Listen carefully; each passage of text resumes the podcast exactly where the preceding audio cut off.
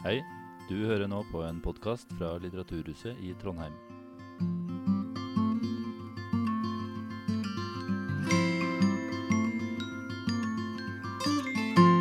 Ja, da tror jeg at uh, jeg kan ønske hjertelig velkommen uh, til, til, kveldens arrangement. mitt navn er Trond Aam, jeg er daglig leder for Litteraturhuset i Trondheim. Og ønsker nå velkommen på vegne av Stokkmanndagene, som er en helt ny festival om forskning og politikk, som skal finne sted i Trondheim 29.9. til 1.10. Eh, den eh, festivalen er et samarbeid mellom Litteraturhuset og Eventselskapet eh, i samarbeid med, med, NTNU. Og er tenkt som en uavhengig del av en framtidig kunnskapsfestival ved NTNU. NTNU jobber med, med konsept og sånn nå, og vi, vi, er med i den prosessen og har valgt konseptet Stokmann-dagene, med navn da etter Ibsens doktor Stokmann fra En folkefiende, som som eh, på mange måter er minst like aktuell i, i dag som han var for, eh, for, over 100 år siden, da Ibsen skrev sitt eh, skuespill. Altså den ambivalens, ambivalensen mellom det å ha rett og få rett. Uh, speiler mange problemstillinger som jeg tror kan gi grunnlag for, for mange spennende festivaler eh, framover. Så får vi da i første omgang se hvor bra det går med Stokmann-dagen i år. Det var en liten strek i regningen at det deltaviruset kom skyldende over landet akkurat idet vi liksom skulle eh, til å annonsere høstprogrammet. Så, så billettsalg og i det hele tatt bærer preg av det for hele høsten, dessverre. Men det er veldig fint å være i, i, gang igjen, og det er veldig fint å se at det er såpass mange som, som tross alt har tatt turen hit til, til kveldens foredrag med, med Gudmund Hernes. Uh, nå er det her arrangementet uh, annonsert som en uh, prolog, så det er jo ikke selve, jo ikke, altså selve festivalen finner sted 29.9. til 1.10., som sagt. Men den aller første personen vi tok kontakt med, det var Gudmund Hernes. For det første av åpenbare årsaker at han, han, er en veldig sentral skikkelse i norsk kunnskapspolitikk i etterkrigstida. Han går for å være sånn en av de Eh, jeg vet ikke, kanskje en av de eneste såkalte professorpolitikerne som vi, vi har i dag. En sjelden, sjelden uh, type, uh, kan man si. Men uh, også, ikke minst uh, pga. hans tilknytning til Trondheim. Og Da jeg tok kontakt med Hernes, var han veldig positiv, men han hadde ikke anledning til å delta på de planlagte datoene, så vi ble enige om å, å skape en liten prolog. Og han betonte da både sin tilknytning til Trondheim folkebibliotek og til, til doktor Stockmann fra sin tid ved Katedralskolen i Trondheim, så det, det passa jo veldig, veldig bra. Uh, han har sjøl valgt uh, tema og tittel til uh, kveldens foredrag, som er 'Vil universitetene overleve det 21. århundre?' og Det er jeg veldig spent på å høre mer om. Så, um, så med det vil jeg ønske hjertelig velkommen til deg, Gudmund Hernes, og takk for at du kommer hit. Takk skal du ha. Ja, Først uh, takk for invitasjonen. For meg er det alltid en glede å komme tilbake til Trondheim. Og det vil dere se helt i begynnelsen av det jeg kommer til å si. fordi selvsagt har jeg snakket om universitetene. Men når jeg først er her, så kan jeg ikke unnlate å snakke også om uh, Trondheim. fordi å komme tilbake til Trondheim for meg er alltid en sentimental journey. Og uh, før jeg sier litt om Trondheim, så skal jeg si litt om de fire tesene som jeg vil snakke om i dette foredraget. Og det er altså om universiteter og høyskoler, og jeg bruker da kortformen 'universiteter' om dem. Og den første testen er at de har aldri hatt en så sterk plass som de nå har. Og likevel så har de aldri vært så truet som de nå er. Og det skal jeg forsøke å begrunne. Og et problem er at den styrke som universitetene har, kan slå tilbake på dem selv. Og at uh, deres stilling bare kan trygges og reddes av universitetene selv. Og bare hvis de bevarer sin integritet og forsvarer sin autonomi. Så det er kortversjonen av uh, foredraget. Her kan dere kjenne deg igjen. Og uh, det jeg her har trukket opp, da, det er det jeg kaller min barndomsdal. Og den, hele mitt liv, altså en sånn tiårsperiode av mitt liv, utspant seg innenfor dette. Jeg bodde rett overfor Gamle Bybro ca. 30 meter fra gamle Bybro. Og i en gammel rønne i en bakgård. Jeg har ennå ikke kunnet oppdrive et eneste bilde av det huset jeg bodde i. Og det var fordi at de fleste hadde for få bilder til at de kunne koste på seg å ta et bilde av en så skakk rønne. Men dette er en tegning som sannsynligvis må være tegnet fra domkirketårnet. Og der hvor den røde pilen er, der var det at uh, jeg da uh, vokste opp. Og så er det mange andre ting. Jeg gikk på Kartsund skole og siden på Katta. Og jeg har til og med en av mine venner derfra her.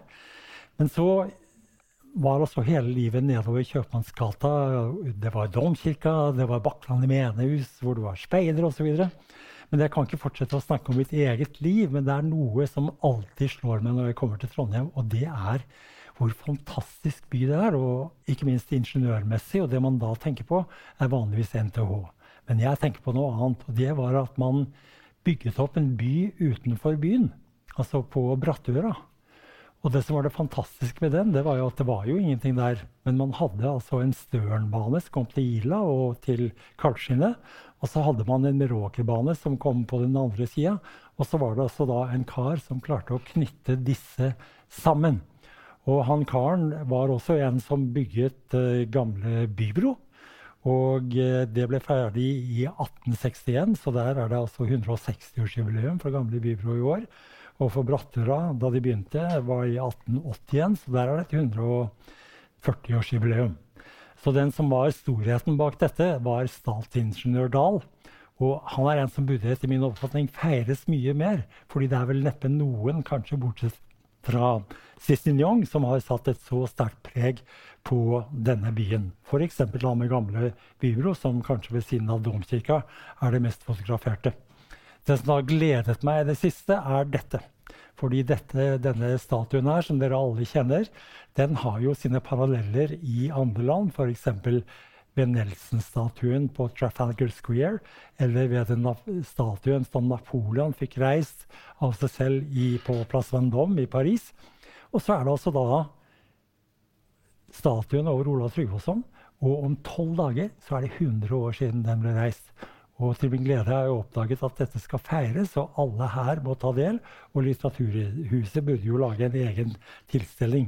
Det er jo ganske ville tilstander når vi ser på hvor mange som samlet seg rundt dette. Dette var bare 180 årene, men i alle gatene rundt var det tjukka fullt med folk. Så de kunne feste mye bedre i gamle dager enn de kan nå, er jeg redd for. Så dere må møte opp. Så litt om doktor Stokmann. Eh, da skal jeg bruke anledningen til å komme med en ny tolkning av doktor Stokmann, som jeg har lest på nytt i anledning av dette besøket. Og doktor Stockmann har for det første en naturvitenskapelig teori. Og det er den badeanstalten som de har i denne sørlandsbyen hvor han er. Der har det skjedd en mikroforurensning av denne badeanstalten ved ulike typer av bakterier. Og så skriver han en forskningsrapport og så sjekker han med en kjemiker på universitetet. Og det går han og venter på i første akt, og så kommer han, og så blir hans hypotese bekreftet. Det er Stockmanns naturvitenskapelige teori, og han er selvsagt veldig glad over denne suksess han har som naturvitenskapsmann. Men så har han også en samfunnsvitenskapelig teori. Og denne samfunnsvitenskapelige teorien den har en nullhypotese, som det heter. Og det er at folk i byen vil lovprise ham og hedre ham for denne store oppdagelsen han har gjort, ved at han har fastslått at badeanstaltene er forurenset. Men denne samfunnsvitenskapelige teorien den blir avkreftet. Så hele dramaet er altså en kollisjon mellom en sann naturvitenskapelig teori, som Stockmann har, og en feilaktig teori han har om samfunnet. Og det rest går på da, i dette dramaet, det er altså om hvordan han forsøker å håndtere livet sitt etter at han møter et samfunn som fungerer helt annerledes enn han trodde. Og Der møter man mange av dagens vitenskapelige konflikter også. For så er det slik at Broren hans, som er borgermester, ber han om å forfalske sine resultater for at han skal redde badeanstalten og inntjeningen i byen. Og det er også slik at han nesten ikke slipper til å få snakke og ut og fortelle dette til befolkningen. Det er det man i vår tid kaller deplatforming. At man ikke får noen plattform å tale fra. Så denne, eh, som da Stagram, er det han kaller den kompakte majoritet. Og det som jeg kommer til å snakke om, det er det som kan være vernet mot denne kompakte majoriteten. Og det vil jeg kalle den kognitive samfunnspakten. Det kommer jeg da til etter hvert. Så la meg da begynne først med det jeg antydet, nemlig at universiteter og høyskoler har aldri hatt en så sterk plass som i dag. Og det kan man se på at det er eh, som paradebygninger, signaturbygninger i de fleste steder. Dette er det eldste universitetet i Norden, i Uppsala, fra 1477. Man har også internasjonale universiteter, som Harvard fra 1638. Man har mer moderne fra Stanford. Og så har vi selvsagt også NTH i Trondheim, som man begynte på omkring 1910. NTH by the way, har noen interessante trekk. F.eks. hvis dere ser på NTH, så vil dere se der hvor de røde pilene er markert. Der er det to pidestaller. Så der skulle det egentlig vært en statue på hver. Men det har de aldri gjort. Og jeg har ofte lurt på hva var grunnen til at de ikke fikk satt disse potentatene på plass, som skulle ha vært der. Og jeg har jo i mine beste øyeblikk, eller i mine verste, lurt på kanskje skulle jeg forsøke å snike meg til en plass der, hvis det nå har stått ledig i alle disse årene. Over 100 år er jo det. Så er det én liten raritet til som dere kan underdere, og det er her på dette hjørnet eh, borte her. Der er det en hvit stein som bygningsarbeiderne la inn da de reiste bygget under signingen av Håkon den 7. Så her er altså da spørsmålet hvordan er det universitetene har kommet til å få denne sentrale plassen. NTH er jo på samme måte som Bispehaugen satt oppe på en sokkel. Man kan se den fra hele byen. Så hvordan har de styrket sin stilling? For det første så har universitetene overlevd i snart 1000 år. Det første universitetet i Bologna ble eh, startet i 1088. Det andre i Paris i 1050. Det var det første et laug av lærere, det andre et laug av studenter. Og det er også slik at De tittene vi ennå bruker ved universitetene, de har vi fra disse middelalderinstitusjonene. Det er mester og svenn, altså bachelor og master, som vi jo eh, kaller eh, dette. Og så er universitetene blitt mer utbredt. Nå finnes universiteter på alle kontinenter, i alle land, og de tar en økende andel av GNP. Og de har den samme grunnstrukturen, måten de er eh, bygget opp på. Så har antallet vokst. Det er nå tusener av universiteter og høyskoler. Og de er blitt stadig større. Bologna har nå over 90 000 studenter, og det er mye større enn byen var da universitetet ble grunnlagt. Og eh, studenttallet har jo økt overalt, og stabene også. Eh, stabene er i titusener, og studenter er i millioner, hvis man teller det globalt. Og i mange land, inkludert Norge, så er det slik at halvparten av hvert årskull immatrikuleres nå hver høst. Så det er en fantastisk ekspansjon som her har, uh, har uh, skjedd. Det er flere måter de har blitt styrket på. De pleide jo å være mannsbastioner, universitetene, som man feirer ennå Eh, hvem som var den første kvinnelige student, den første kvinnelige professor osv. Men nå er det slik altså at de femininiseres. I mange utviklede land er nå flertallet av studenter kvinner. Og det gjelder på mange av de studier som det er vanskeligst å komme inn på, sånn som f.eks. Eh, medisinerstudiet. Og så er det stadig flere fagområder som akademiseres, altså at de bygger på en teoretisk base og at denne praksisen som de har, den må hele tiden underbygges og fornyes med forskning. Så opptrer disse lærestedene i nettverk. De internasjonaliseres, og studenter og lærere vandrer, og de rekrutteres på tvers av land. Og fotnoter de krysser jo alle grenser hver eneste dag. Og så er det slik at disse lærestedene kobles Nettverkene utvides og fordypes, og det er en rekke samarbeidsorganer internasjonalt også mellom dem. Og så, Det siste det er at universitetenes organisasjonsformer de kopieres. Så F.eks. er det slik at mange bedrifter har svære forskerstaber. Men det er også slik at selskaper som Apple og Google de kaller sine hovedområder for campus. Og hvis man stikker innom dem, så vil man se at hele kulturklimaet så, er det samme, så å si er det samme som det er på universitetene. Det gjelder ikke minst i Silicon Valley, hvor det er vanskelig å skille mellom hva er kulturen på et universitet, og sammensetningen, og hva er kulturen i disse svære foretakene. Så med ett ord kan man altså da si at universitetene er blitt universalisert. Det er, både, det er steder hvor både fortiden bevares og fremtiden skapes. Og Da blir jo spørsmålet hvorfor er det dette har skjedd? Og den som ga svar på dette, det var Francis Bacon, som var en eh, engelsk eh, filosof, nesten først og fremst som. Og når han da formulerte sin tese, så var det fordi at han observerte at vi går over fra en tilstand i samfunnet hvor det vi gjør, og måten vi livnærer oss på, er mindre og mindre naturbestemt og mer og mer samfunnsbestemt. Hva vi får til, hva vi oppnår, avhenger i veldig høy grad av hvordan vi organiserer oss. Og et uttrykk for dette det er at kunnskapsinnholdet i alt øker. Der har jeg et enkelt eksempel, og det er denne treskjea.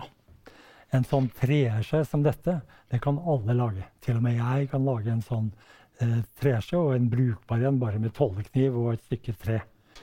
Men så er det en annen en, og det er denne plastikkskjea som dere får med yoghurt. Dere hører kanskje at den kan bøyes og låses og foldes så den ikke tar for stor plass. Og eh, kjemien i denne, av de lange karbonmolekylene som den består av, pluss selve den mekaniske konstruksjonen som gjør at den kan brukes om igjen og om igjen. Jeg bruker det nå i stedet for sølvtøy. Det er billigere og mer praktisk. Den er det ingen av oss som enkelt og alene kunne lage på egen hånd. Det er de ingeniørene som har laget selve den mekaniske utformingen, behersker sannsynligvis ikke kjemien i den plastikken som den er laget av. Så det er veldig mye kunnskap som inngår i en slik en. Og hvis dere ser f.eks. på mobiltelefonen dere har, så er jo det et mye sterkere eksempel også. Skal vi se her. Så det betyr altså at kunnskapsinnholdet i alt øker, men også at kunnskapsveksten øker problemene vi står overfor. Ofte som biprodukter av det de søker å oppnå. Et eksempel er jo den bruken vi gjør av det som i, gamle dager het eksplosjonsmotoren. Altså, fantastisk eh, påfunn. Altså, det eksploderer hele tiden, men vi kontrollerer eksplosjonene. Men avgassene de skaper eh, forurensning og er en form for utilsiktede eh, bivirkninger. Så når var det på en måte dette store gjennombruddet begynte? Jo, det begynte i opplysningstiden. Vel hadde det kommet noen få universiteter før, men Uppsala var et av de første som kom til i opplysningstiden. Og ikke bare var det slik at de fikk nye skudd, det ble større samlinger, som dere kan se på dette bildet her, av hvordan man kunne møtes og utveksle ideer. Og ikke bare det, man begynte også å samle kunnskapen, all verdens kunnskap, i store bøker, det som blir kalt encyklopedier. Og eh, hvor da de moderne konversasjonsleksikon, eller Wikipedia, er den moderne varianten av det. Og I denne opplysningstiden så var det også slik at man eh, hadde store debatter i alle fag. Så det var altså en debattid denne opplysningstiden om Gud og religion, om fornuft og natur. Det var store gjennombrudd innen naturvitenskapene, f.eks. det kopernikanske system, da man plasserte sola i, i verdensrommets uh, midte. Differensialregning som ble funnet på, eller blodomløpet som man oppdaget. Og det var store gjennombrudd samtidig også innenfor samfunnsfag og politisk teori og økonomi. F.eks. var det en franskmann som het Kessner, som oppdaget det, eller fant på det man kaller en økonomisk tabell. Og det er det som ligger til grunn for moderne kryssløpsanalyse og de modellene de, vi får daglige meldinger fra, fra Statistisk sentralbyrå. Og Adam Smith fikk en fantastisk idé.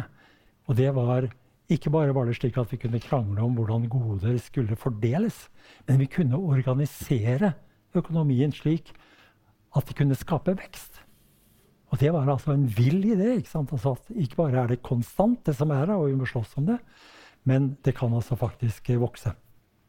Og alt dette var også knyttet til humanistiske fag, hvor man begynte å se på at mennesker hadde noen ukrenkelige, uavhendelige og naturlige rettigheter. Det var ikke noe som var gitt av guder. Det var faktisk noe som vi hadde rett og slett ved å være født. Og så begynte de også å spekulere på om vi kunne organisere vårt samfunn ikke som en gudegitt størrelse, det heller, innstiftet av gudene, kongedømme av Guds nåde, men som en sosial kontrakt. Som det førte med også ytringsfrihet, at du kunne si hva du ville. Folkesuverenitet, at det var folket som skulle ha makten.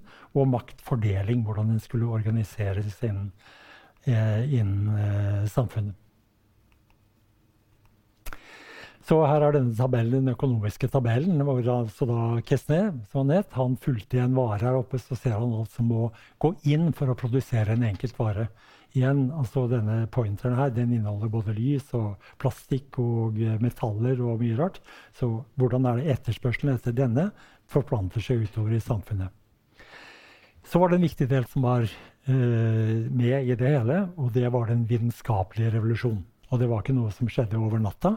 Det var noe som var en revolusjon i sakte kino. Og det som der skjedde, det var at man omtolket naturens krefter. Hva er tyngdekraft? Eh, etter hvert er tyngdekraft noe annet enn magnetisme. Er det noen begrenset sett av krefter? Hvilke stoffer er det? er det slik at vi kan avgrense alt som finnes i verden, til noen grunnstoffer. Et endelig antall stoffer. Så er det bare resten er å kombinere det, omtrent som når vi baker brød. Og arter. Hva med artene? Hvordan skal vi tolke dem? Hvor kommer de fra? Ble de skapt på én dag, eller var de noe som kom av en lang utvikling? Og så begynte de også å stille spørsmål om relasjonene mellom eh, menneskene.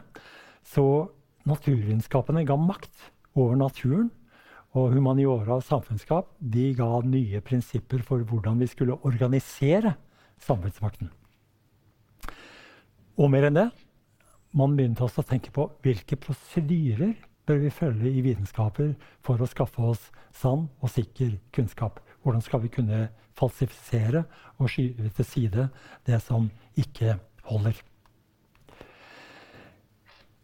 Samtidig skjedde det i denne opplysningstiden en utvikling av både institusjoner og anvendelser.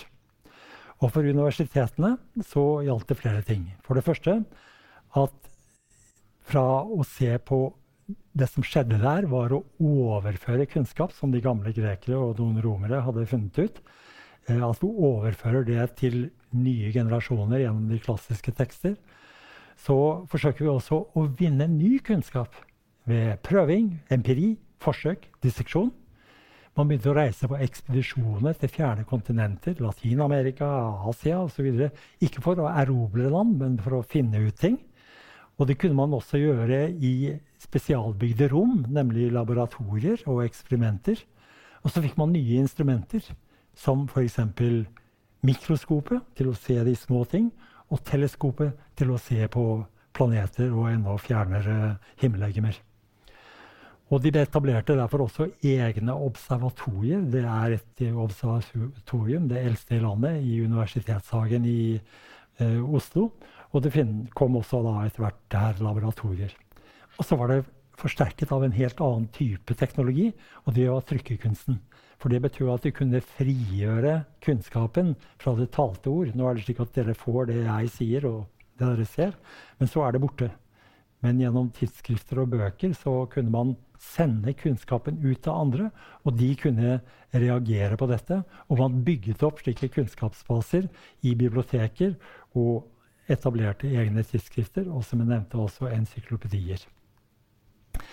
Så det betyr at det kom en helt ny måte å se hele verden på, som eh, ble kalt moderniteten. Her er det én av dem, som er representert ved Isaac Newton. Og det som kom her, det var altså at man fikk innovasjoner og endret samfunnsforståelse. Men selve den forståelsen bidro til å knytte verden sammen. Man begynte å se på de samme ting og etter de samme ting. Og man begynte å høre på hva de andre forskerne hadde å si om det som lå ut, der ute i verden, eller som de kunne konstruere f.eks. i matematikk. Og dette bidrar til å skape én verden. Men så var det en ting til, og det var at disse resultatene fra forskningen de virket tilbake på samfunnet selv. Og de begynte å endre de sosiale relasjoner, og også grunnleggende livsinnstilling. Fra at man ser på samfunnet som skjebnebestemt og gitt, og noe som utspiller seg, og som en bare må avfinne seg med, til optimisme dette som omgir oss, inkludert samfunnet, er noe vi kan gjøre noe med. Slik altså at vi fikk dermed gjennom dette makt over naturen ved ploger, vaksiner, navigering. F.eks. Thomas Jefferson var en som drev og eksperimenterte. Den første amerikanske ja, som skrev de viktigste grunnlovsdokumentene. Han var en spesialist på ploger, blant annet. Han var spesialist på mye annet. Men det var altså å få skjæret til ikke å skjære for djupt, og så velte plugfòret over på den andre siden. Og det der er uh, ingen enkel vitenskap. Vaksiner, som, uh, hvor den første kommer jo fra altså Ordet vaksine kommer jo fra kukopper. Vers er det franske navnet på ku. Og så oppdaget en kar som het Jenner, at uh, de ja, Det var oppdaget før, men man hadde ikke gjort noe særlig mye ut av at de som hadde vært smittet av kukopper, de var beskyttet mot farligere kopper. Og så var det da Jenner som infiserte seg, og oppdaget altså at han da selv ikke ble smittet. Var noen av disse eksperimentene som ble ganske ville. En ble gjort i Bergen av Amaur Hansen. Han begynte å eksperimentere på sine tjenestepiker for å finne om lepra var smittsomt. Så han infiserte dem i øyet med leprabakterier. Og det gikk bra for damene, men det gikk ikke så bra for Amaur Hansen. Han ble alt foran for retten for uetisk eh, forskning. Resultatet av dette var altså at vi fikk mer og mer menneskeskapte samfunn. Og da ble man også oppmerksom på at kanskje vi skulle lage en politikk for forskning. Og et tidlig eksempel på dette var at du kan vite om du reiser nordover eller sørover, og hvor langt, ved å se på sola. Altså Vinkelen endrer seg alt etter hvor du har beina på bakken for jordkula. Nord-sør det er ganske lett å finne ut. Men å reise øst-vest og finne ut hvor langt du har reist, det er ganske vanskelig. Det er eh, ja, skitvanskelig, vil man si. Og grunnen til det man da fant en løsning, det var at man kunne bruke en klokke. Så hvis man satte klokka f.eks. til Greenwich time og delte jordkula i 360 grader, så ville det ta én time, hadde man bestemt seg for, før klokka var Holly Grangers, men ville være ett etter soltiden på det stedet du var.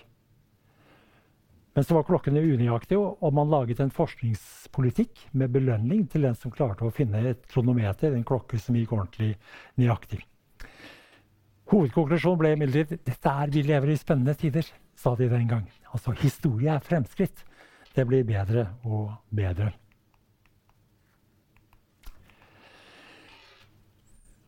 Resultatet av dette var at det ble skapt et helt nytt økosystem for kunnskap. Med universitetene som noder, med eksperimenter i nye akademiske former. Man fikk lærde samfunn. Trondheim var veldig tidlig ute, selvsagt. Med Det kongelige norske vitenskaperselskap fra 1760, er det vel. Ligger oppe på Katta, som for øvrig er landets eldste skole. 1031, så jeg må ikke komme her og pirre på trønderne. Museer fikk man også, og salonger hvor man diskuterte vitenskap og gjorde noen eksperimenter. Reiser, tidsskrifter, postgang, som jeg alt har vært inne på. Og denne interaksjonen med andre som forsket, det ga inspirasjon. Man ble litt tent av å høre på andre som hadde funnet frem til, og, til noe. Og de som fant på store ting, de fikk etter hvert vitenskapelig status. De ble sett på som verdifulle samfunnsmedlemmer. I dette kan man si at det ligger ikke bare en sosial kontrakt om organiseringen av samfunnet, men det er en annen type kontrakt som ligger til grunn for det hele, og som jeg har forsøkt å gi et navn, og den har jeg da kalt den kognitive samfunnspakten. Kognitiv har å gjøre med det som er tankeprosesser. Og denne kognitive pakten den er basert på tre sett normer. For det første forpliktelse overfor sannhet. Og da må du ha også noen normer for hva som skal være gyldige bevis, normer for evidens. Og samtidig betyr det at du må da være grunnleggende sett skeptisk for det folk finner på å si. Enten det er overleverte eller andre oppfatninger. Det, kan være, det, det høres interessant ut, men det kan være feil. Og så må du ha respekt for fakta, for kjensgjerninger og for begrepsdannelse. Og det er mange forestillinger som hadde høy vitenskapelig status, som var feil. F.eks. trodde man lenge at malaria skyldtes miasme, altså sumpområder, og at selve luften var så dårlig at det spredde smitte. Så Derfor navnet på sykdommen mala aria dårlig luft. Så det var altså da én vitenskapelig teori. Og så oppdaget man at dette ble spredt gjennom bakterier og ved mygg som holdt til i disse områdene. Men det er mange eksempler på slike vitenskapelige eh, teorier som var, eh, var feil. F.eks. lepra trodde man var arvelig. Eh, og det stiller samtidig kravet om at informasjonen må være relevant, og at det må stille opp med belegg og bevis.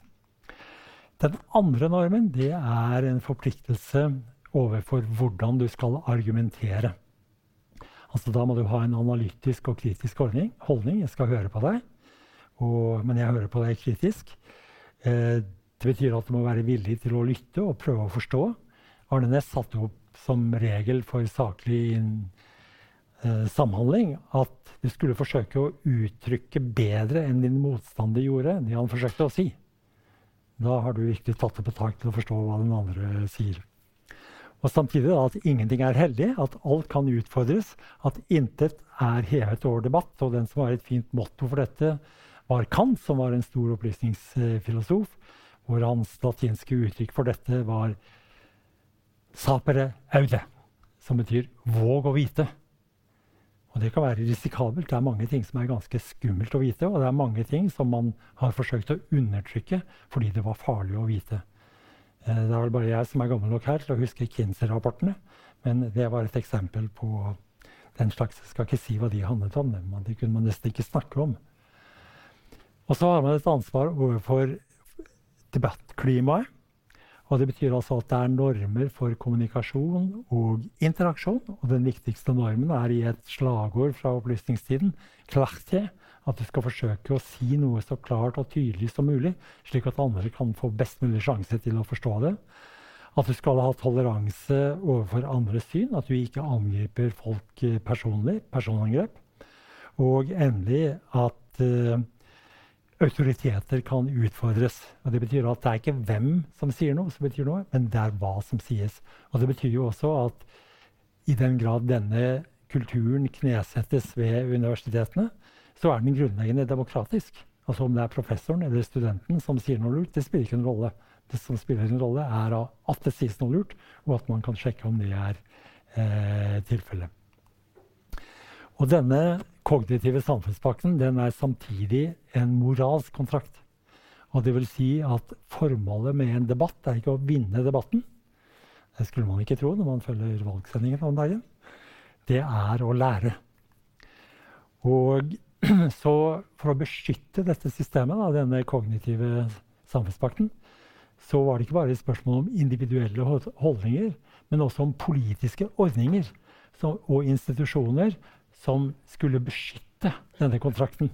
Og det kunne f.eks. være i regler om ytringsfrihet, trykkefrihet, trosfrihet osv. Og, og det som nå er det neste poenget som jeg skal drive, det er at disse, denne kognitive samfunnspakten er truet. Før jeg går dit, så må jeg bare understreke det som jeg har i og for seg sagt hele veien, nemlig at denne kognitive samfunnspakten den er helt konstituerende for universitetenes virke. Det er den måten vi driver universitetet på, og vi kan ikke drive dem hvis vi ikke bygger på den.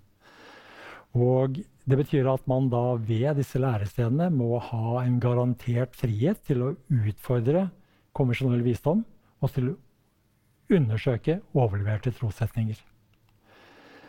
Og Historisk førte dette kravet om at forskere og lærere måtte kunne følge sine intuisjoner. Det der var interessant, og så følger du det opp. Du må kunne artikulere, formulere, utsi dine hypoteser. Du må også da kunne finansiere dine studier, slik at kranene ikke blir skrudd av hvis det er noen som ikke liker det du sier. Og du må kunne kommunisere, fortelle til andre hva de har funnet ut, også slik at de skal kunne prøve om det er uh, holdbart. Den vi fremfor noen eh, forbinder dette med, det var en tysker, Preusser, som het Wilhelm von Humboldt. Og han var filosof, og han ble etter hvert også rektor ved universitetet i Berlin. Og han var den som kanskje skarpest formulerte i tett form disse prinsippene. hvor altså da hans frihetskriterium var å kunne studere etter ønske, undervise etter overbevisning, forske etter interesse, publisere resultater og diskutere det med fagfeller. De tingene må gjelde hvis et universitet skal fungere. Og det er nødvendig hvis forskningen skal kunne gjøre to ting. Være innoverende, at vi finner på nye ting. Og at vi kan korrigere hverandre og av og til oss selv når vi gjør feil. Så det er altså da en grunnleggende egalitær, men også samtidig meritokratisk eh, tanke. Kontroverser bilegges ikke av doktriner og dogmer, men av data og argumentasjon. Nei, det gikk litt for fort. Den kognitive samfunnspakten den var ganske truende. Eh, fordi når folk sier det de tenker, høyt og tydelig, så er det mange interesser som kan eh, trues. Og Derfor ble universitetene tidlig utpekt som urosentra, som undergravde den etablerte orden. Så studentopptøyer er ikke noe som startet i 1968. Den er like lang som universitetshistorien. Og Derfor var det mange som mente at da må vi bringe studenter under kontroll. Slik at de ikke finner på alt det de kan uh, finne på. Og det har også ført til mange steder at uh, forskere er blitt forfulgt og marginalisert. Og det finnes også noen ak aktuelle eksempler på dette. Det øverste bildet til venstre her, det er fra Paris i 68. Det nederste er fra tidligere år i Hongkong hvor altså studentene nettopp er i fortroppene av de som protesterer, eh, protesterer mot det Som forsøker å sette lokk på det de sier. Eh, Akademia, altså universiteter og høyskoler, de ekspanderte og har ekspandert hele tiden før vi kom til dagens eh, situasjon. Vitenskapen gjorde byks, store byks gjennom 1800-tallet. Og andre verdenskrig ikke minst, ga et svært pådrag både ved oppdrag og bevilgninger. Altså det du skjøt med, det du fløy med, det du laget koder av, det du laget etterretning av, det du spiste. Alt dette her. Medisin ble um, i stor grad utviklet ved hjelp av forskning og ved universiteter. Alt fra medisin til atombombe. Men det betyr også at samfunnsdebatten, slik vi har den, i økende grad er en debatt om forskning. Og vitenskapelige resultater de tar fort plass på avisenes forsider, eller de slås opp i TV-nyhetene, og de formidles, av og til fordreies, via sosiale medier. Og det er fordi forskningen berører nesten nå alle sider av menneskelivet. Det kan være så forskjellige ting som plast i havet, tilgang på vaksiner, nye batterier for elbiler. Hva har Shakespeare å si oss i dag? Og effekter av tiltak for integrering av innvandrere. Alt dette er altså sånn spørsmål som vi møter i overskriftene og i samfunnsdebatten, og de er samfunnsspørsmål.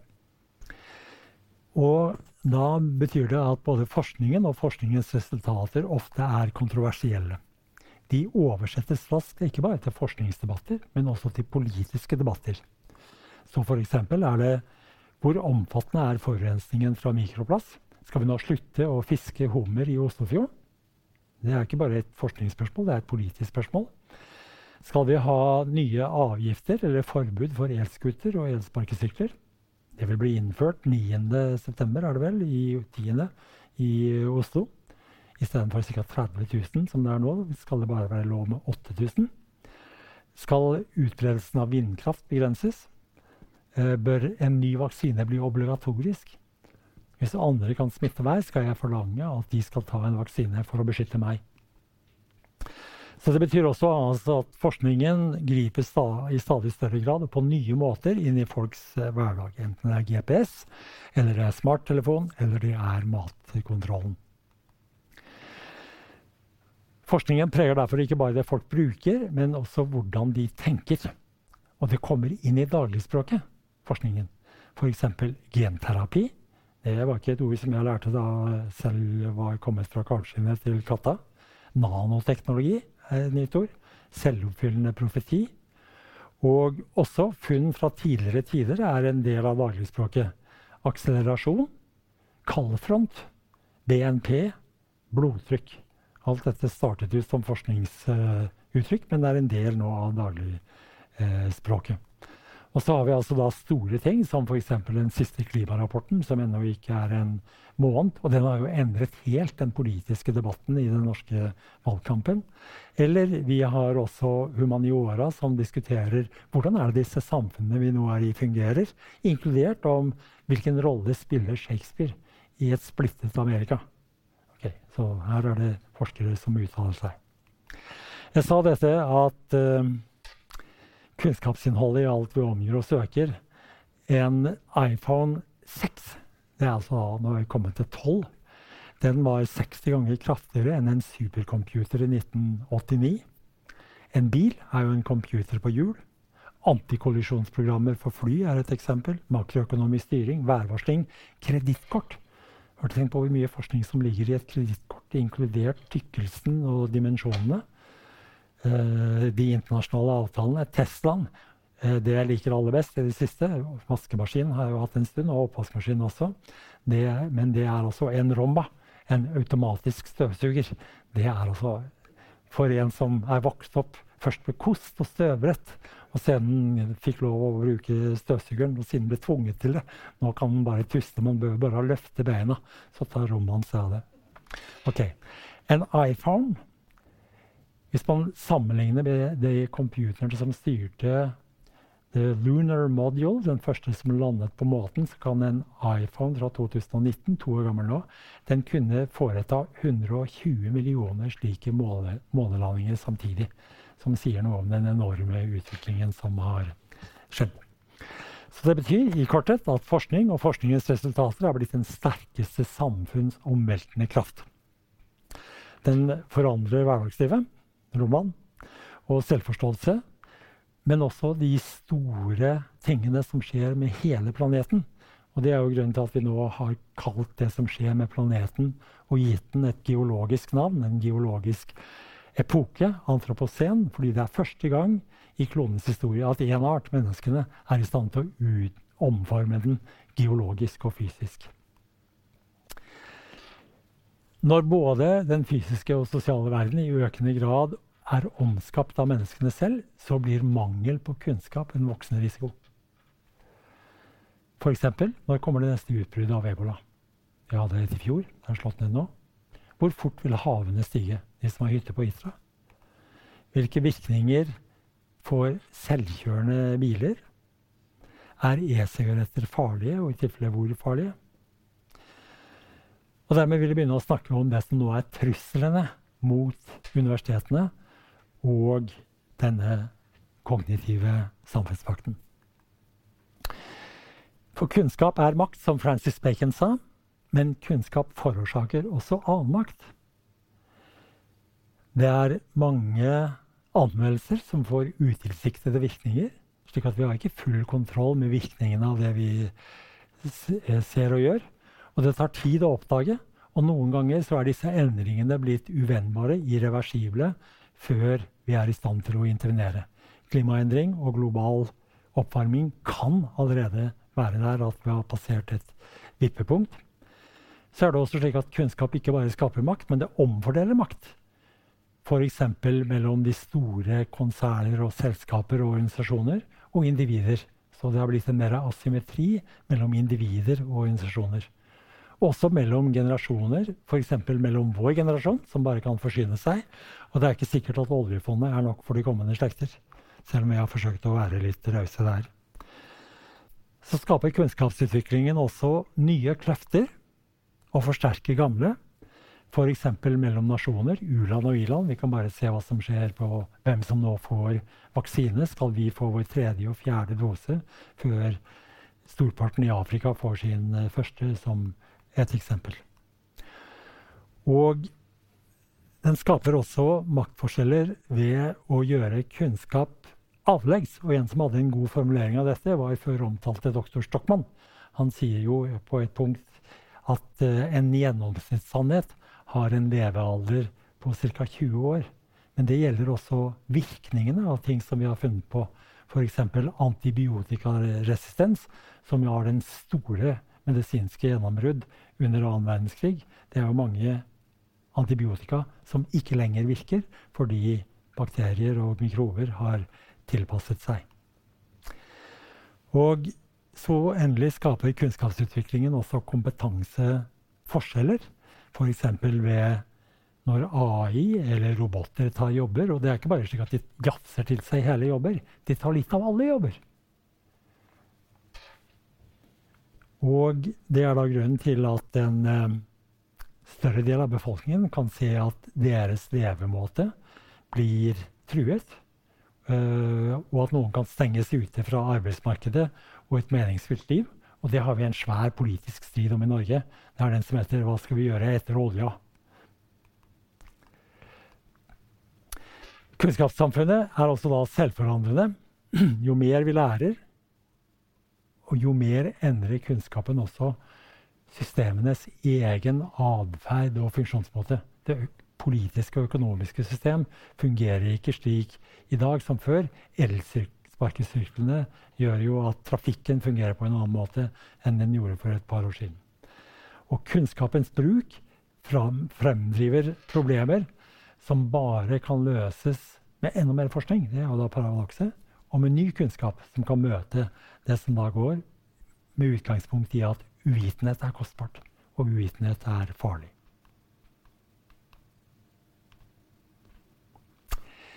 Så er det noen interne trusler som en ser ved universitetene. Det ene er rent filosofisk. Det er det man kunne kalle det postmodernistiske paradigmet. Og vi må jo ta med oss noen fremmedord når vi først får uh, sjansen. Og uh, postmodernisme, enkelt sagt, påstår at verden er en påstand. Altså at uh, det er ingen stabil virkelighet der ute som vi kan se og observere, og som er så å si uavhengig av oss. Og det gjør også mulighetene for vitenskapelige konklusjoner eh, og resultater eh, Det blir altså omtrent umulig. En helt annen type trussel innenfra er det som kalles academic fraud. Det kan være fabrikasjon, falsifikasjon eller plagiering.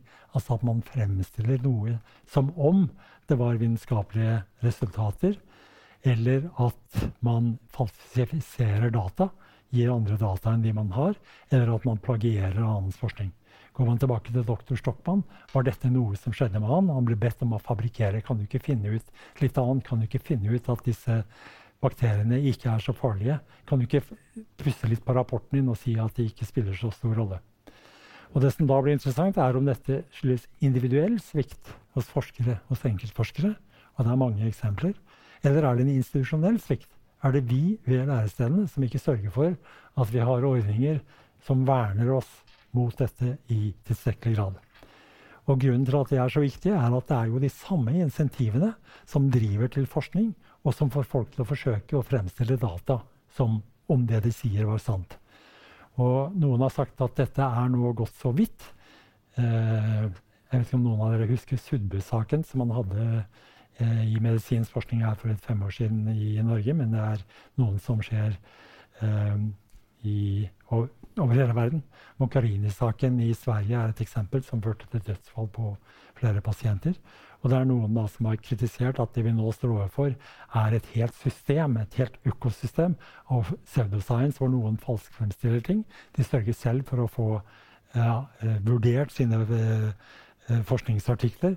Man har tidsskrifter som spesialiserer seg på uegentlig forskning. Noen Open Access blir ikke fagfull, eh. Og man har også forskjellige typer av krumspring som gjør at folk har kommet inn på studier som de ikke var eh, kvalifisert for.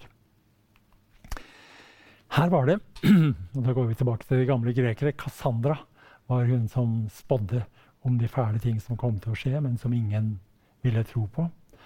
Og det kom en advarsel mot det som skjedde ved universitetene ved en Cassandra. Og den gikk ut på følgende, nemlig at den status som universitetene har fått for alt det de kan gjøre, og den vekst og glans som har kommet med, har noen innebyggede farer og fristelser og trusler. Og den som skarpest formulerte denne advarselen, det var Dwight E. Eisenhower, som var amerikansk president fra 1953 til 1961, før Kennedy. Og han holdt en veldig berømte avskjedstale i januar 1961. Og der hadde han et, noen flere viktige poenger. Og det er altså at trusselen mot høyere undervisning og forskning er bygget inn i deres egen vekst og innvirkning. For det som kommer utenfra til universitetene, er ikke bare støtte. Med finansiering kommer også farer og fristelser.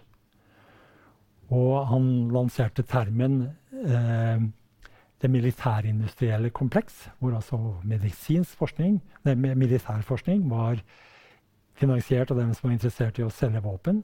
Men det er ikke bare slik at det gjelder militærforskning. Det gjelder all forskning. Og det gjelder ikke bare offentlige kilder, det gjelder også private eh, kilder. Dette er fra dagens Aftenpost. Finansieringens problemer. Dette er en rapport fra Rysta Energy som står om hvor mye vil utslipp eh, og eventuell nedstenging redusere utslipp i Norge. Og det har, den kom frem i en uh, debatt med uh, partilederne som Fredrik Solvang ledet, og han dro frem denne rapporten, som ikke var publisert. Og nå når den er publisert, så er det veldig mye kritikk som kommer. Men da ser man også det skumle her, og den som formulerte det skumle, var en amerikansk forfatter som het Sinclair Lewis. Beklager. Apton Sinclair, som sa at It is difficult to get a man to understand something when his salary depends upon his not understanding it. Så hvis du blir betalt for ikke å skjønne noe, så er det veldig lett ikke å eh, skjønne det. Men disse problemene som universitetene står overfor, går videre enn det. F.eks. så var det slik at Russland for eh, et år siden raidet et fysikkinstitutt. Man skulle jo tro at naturvitenskap var eh, sikre. Og eh, det var altså eh, fordi man ikke likte det de publiserte, eller måten de publiserte det på, eller lot forskere som ikke burde ha tilgang til det, eh, slippe til. Dette var altså i 2019. I Ungarn har de nedlagt eh, statsministeren der, det sentraleuropeiske universitetet, som ble etablert av Viktor Soros.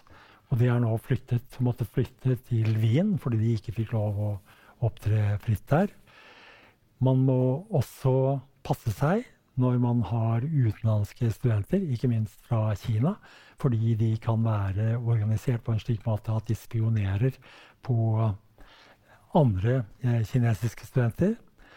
Du bør vokte deg for grekerne når de kommer med gaver, het det i det gamle Hellas. Og det gjelder også når man får gaver fra andre lands makter. Fordi ofte kommer det klausuler. F.eks. så har Kina stilt krav om at man ikke skal diskutere Tibet, ikke Taiwan og ikke Tiananmen Square. Eh, sannsynligvis vil Hongkong etter hvert eh, innlemmes hvis vi fortsatt skal støtte virksomheten. Så man må være veldig forsiktig med hva man eh, tar imot, og mange land har sett dette nødvendig. Men det er ikke bare der. Eh, angrepene kommer. I Polen vil de skrive en mer nasjonalistisk historie. Jeg begynte jo med Olav Tryggvason, og han er jo en som får i hvert fall oss trøndere til å slå oss på brystet. Men mange land vil slå seg på brystet, og de vil ofte bruke historie til å gjøre det samme. Tyrkia har eh, levert sterke angrep på en rekke land som eh, har tillatt at man sier at det foregikk et eh, folkemord der ved begynnelsen av forrige århundre. Eller Donald Trump. Han ville ha en mer patriotisk amerikansk historie og nedsatte en egen komité for å gjøre dette. Og da blir jo ikke det bare seierherrenes historie, men det blir stort sett om da, i dette tilfellet amerikanere som seierherre. Dette er en gammel idrett. Her har dere Stalins variant. Her så det at han retusjerte et bilde fordi også at det var en av disse karene, uh, han der, som var falt i unåde, og dermed laget han et bilde hvor han var tatt ut av bildet for historiebøkene. Eller det samme på Tianmen Square. Dette bildet er ikke noe du kan se i kinesiske kilder. Og nå har vi fått en så fin teknologi som kan hjelpe oss til å gjøre dette. Dette er en av mine eh, som jeg pleide å date i realskolen. Eh, men nå er det slik at hun kan fremstilles på mange måter, og likevel så ser du at, og tror at det er en annen. en. Eller det som er det aller siste eksempelet, dette var det vi pleide å danse til. Og nå er det jo slik at man ikke bare har ABBA, men man får nå, med premiere i november, Avatars. hvor altså da de fremstiller ny musikk som fremstilles av disse avatarene. Men disse eksterne truslene er mange. Eh, klimaendringer som konspirasjonsteori. Donald Trump kalte det 'Chinese hoax'. Og han snakket om 'fake science'. Og den britiske justisministeren sa under brexit, da de sa men det er jo eksperter som sier, så sa han at 'people in this country have had enough of experts'. Og det er mange steder også hvor forskere og forskningsrapporter er blitt kuttet ned. Eh, F.eks. Environmental Protection Agency, hvor altså det er mange ting som de ikke får lov å publisere, konferanser de ikke får lov å dra til eller uttale seg om. Og selv språkets og språkets logikk og regler brytes f.eks. om at to motstridende utsagn ikke begge kan være sanne på samme tid. Favoritteksempelet mitt er dette. Det er Donald Trump. Han kom i skade for å si at en orkan ville uh, bevege seg over til Alabama tvers over Florida. Uh, men det som da skjedde, var at den ikke gikk den veien. Men han insisterte på at det var slik, og la det frem med sin egen vitenskapelige tegning, hvor han hadde tegnet det med sin sorte penn, hvordan denne ville gå. Altså Den svingte da ikke over, men den gikk opp langs kysten i uh, stedet. Så når det gjelder Trump, han er et sånn særtilfelle. Uh, på én rally så fant vi ut at han hadde sagt fem forskjellige store løgner på under tre minutter. Og Washington Post, som kartla dette, fant ut at i løpet av de to første årene så hadde han kommet med 8158 falske eller misleading claims. Og på slutten av sin presidentperiode var det kommet opp i 30 000. Det er et høyt daglig eh, gjennomsnitt. Så hva er det jeg forsøker å si med dette? Jo, det er at denne kognitive samfunnspakten er under angrep. Og ny teknologi, sosiale medier som ikke sjekkes, filtreres eller redigeres eh, før ting lanseres, blir en del også av det. Og også når noen mener at det ikke finnes noe sånn som en objektiv sannhet. Det finnes bare interesser, ingen faglig nøytral autoritet. Og det kan da lett føre til at man etter hvert begynner å tvile på alt og alle, og at man legger vekt i stedet på det som ser ut som en sannhet. F.eks. når man omskriver eh, historien. Og det betyr at hvis man destruerer denne samfunnspakten, så er det slik at man også ødelegger selve grunnlaget for sosialt liv. Hvis du ikke kan stole på det andre sier, hvis du ikke kan stole på forskerne, ikke på politikerne. Og vi har jo fått en, en mengde termer som beskriver dette. Alternative facts, fake news, the post-truth society, echo chambers, eller gaslighting, som betyr at du får noen til å tro at de holder på å bli gale fordi du påstår at det de ser, og først tror de ser, det blir hele tiden motsagt. Og det betyr altså at uh, i dette skjer det da brudd på disse normene, de tre normsettene som vi snakket om, for sannhet, for begrunnelser og for meningsutveksling. Og psykologer har mange studier av dette med termer som selektiv persepsjon, selektiv hukommelse eller confirmation bias. Og det er altså ikke bare myndigheter som gjør eller blir gjenstand for dette, det gjelder også organisasjoner og eh, privatpersoner. Den som hadde en skarp formulering av dette, var et av forrige århundres store filosofer, Hanna Arnt, som sa A people that no longer can believe anything cannot make up its mind. It is deprived not only of its capacity to act, but also its capacity to think and judge. And with such a people, you can then do what you please. Så det betyr altså at vi er inne i en omkamp med opplysningstiden, hvor fakta fornektes, dataserier stanset, konspirasjonsteorier er i omløp, historien omskrives, mange forskningsbudsjetter klippes, og universitetenes autonomi er under press i mange land. I Ungarn, i Hongkong osv. Og det betyr at normene for rasjonell debatt og meningsutvikling undergraves. Så her må mottoet være 'forsvar opplysningstiden'. Beklager at det tar litt tid, dette her. Vi har også noen lokale eksempler. Det var en svensk covid-forsker som ble utsatt for så grove angrep enn medisiner at han bestemte for å slutte med den forskningen. Og orket det rett og slett ikke å stå i den kryssilden av folk som angrep ham uten noen kompetanse. Og um, dette var i Aftenposten i går. Her blir huset til en journalist av, angrepet av en vaksinemotstander. Og på denne jakken står det uh, 'Rope Tree Journalist'. Et tre, et rep, en journalist. Så da er du et godt stykke unna dette å tåle å høre andre meninger enn dine egne. De to viktigste forsvarslinjer er forskningens integritet, altså at vi har solide normer for vitenskapelige prosedyrer, pålitelige undersøkelser og vederheftige analyser, nøyaktig rapportering, åpent innsyn, kollegial kritikk, korrigering av feil, respekt for deltakere og berørte. Og dette, det andre er å forsvare universitetenes autonomi. For det vi har sett, det er altså at det er ikke sikkert at andre vil forsvare det. Så skal publikum ha tillit til forskningen, må forskerne ha tillit til hverandre. Og det betyr altså at de hele tiden utsetter hverandre for denne kritikken. Så har jeg tenkt å fly inn mot uh, Værnes og lande med å stille spørsmålet er det noen grunner til optimisme. Fordi det er jo ganske pessimistisk. Og jeg har tre grunner til optimisme. Den første er menneskelig talent.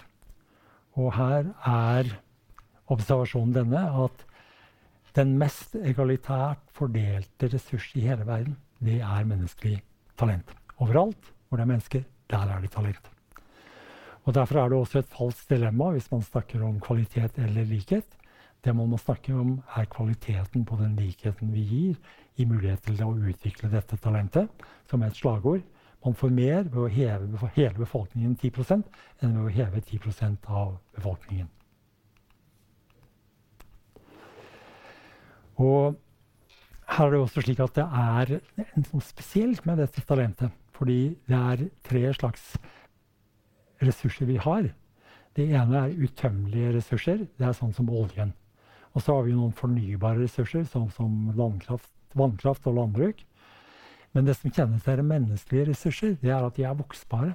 Og en av de mest fantastiske tingene det er altså at alt det mennesker har funnet ut i løpet av hele menneskehetens historie, det er vi i stand til å pode inn i studenter i løpet av de årene de er ved universitetet.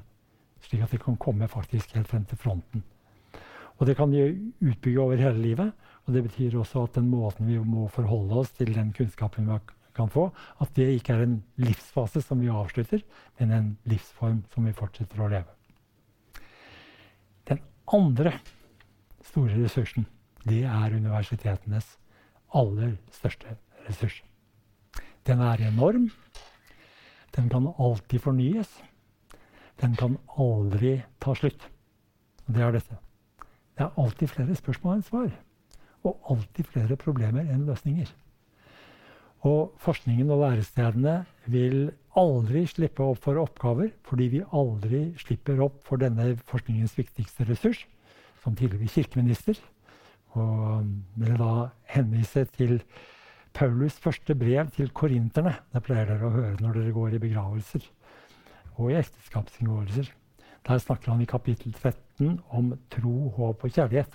Og så slutter han med å si og størst av dem er kjærligheten. Men for universitetene gjelder at den største ressursen er denne. Størst av alt er uvitenheten. Og den kommer aldri til å gå bort. Og den tredje grunnen det er svar på spørsmålet hvor er det man kan leve spennende liv. Og da er det mest uh, relevante universitetene kan gi, det er folk livsvarige besettelser. Altså det, det, er de underligste ting folk kan bli besatt av i et universitetsstudium. F.eks. sånn som preposisjoner i middelalderlatin. Altså, tenk å bruke livet på det. Du blir helt besatt av denne galskapen. Og kan, jeg skal ikke trette dere med andre eksempler. Og det er fordi altså, møtet med gode ideer gir deg sterke følelsesmessige opplevelser. Og det mest fantastiske ved å være ved et lærested, det er enten hver dag å lære noe nytt, eller å finne ut noe nytt. Og begge deler. Altså jeg har et sånn lite teorem i matematikken. Det er et bitte lite teorem. Det er som en liten krusedull på Nidarosdomen. Men da jeg endelig så det, det sitter som en sånn orgastisk opplevelse som har fortsatt å kildre hele livet. Og du kan leve disse spennende livene fordi det er så mye vakkert der også.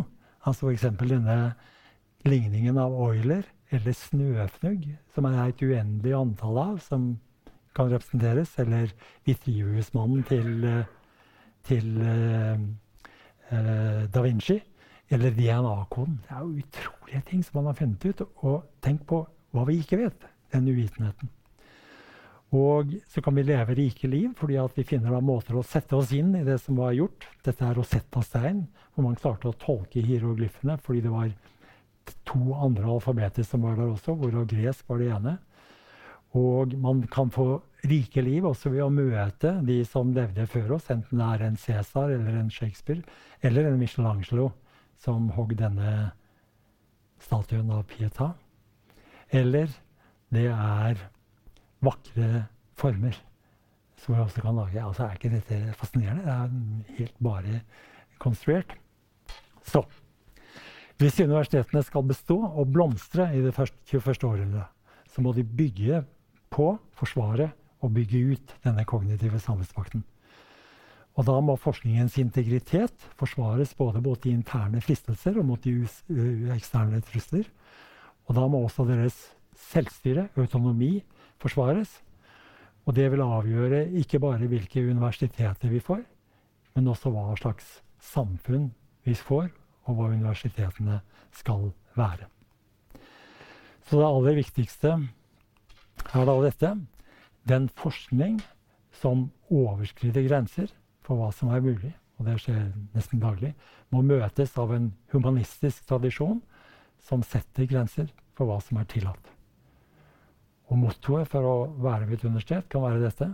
Der skal man lære å tenke klart og kritisk. Og føle sterkt og intenst. Og formidle med stil og presisjon. Og handle med fantasi og fornuft.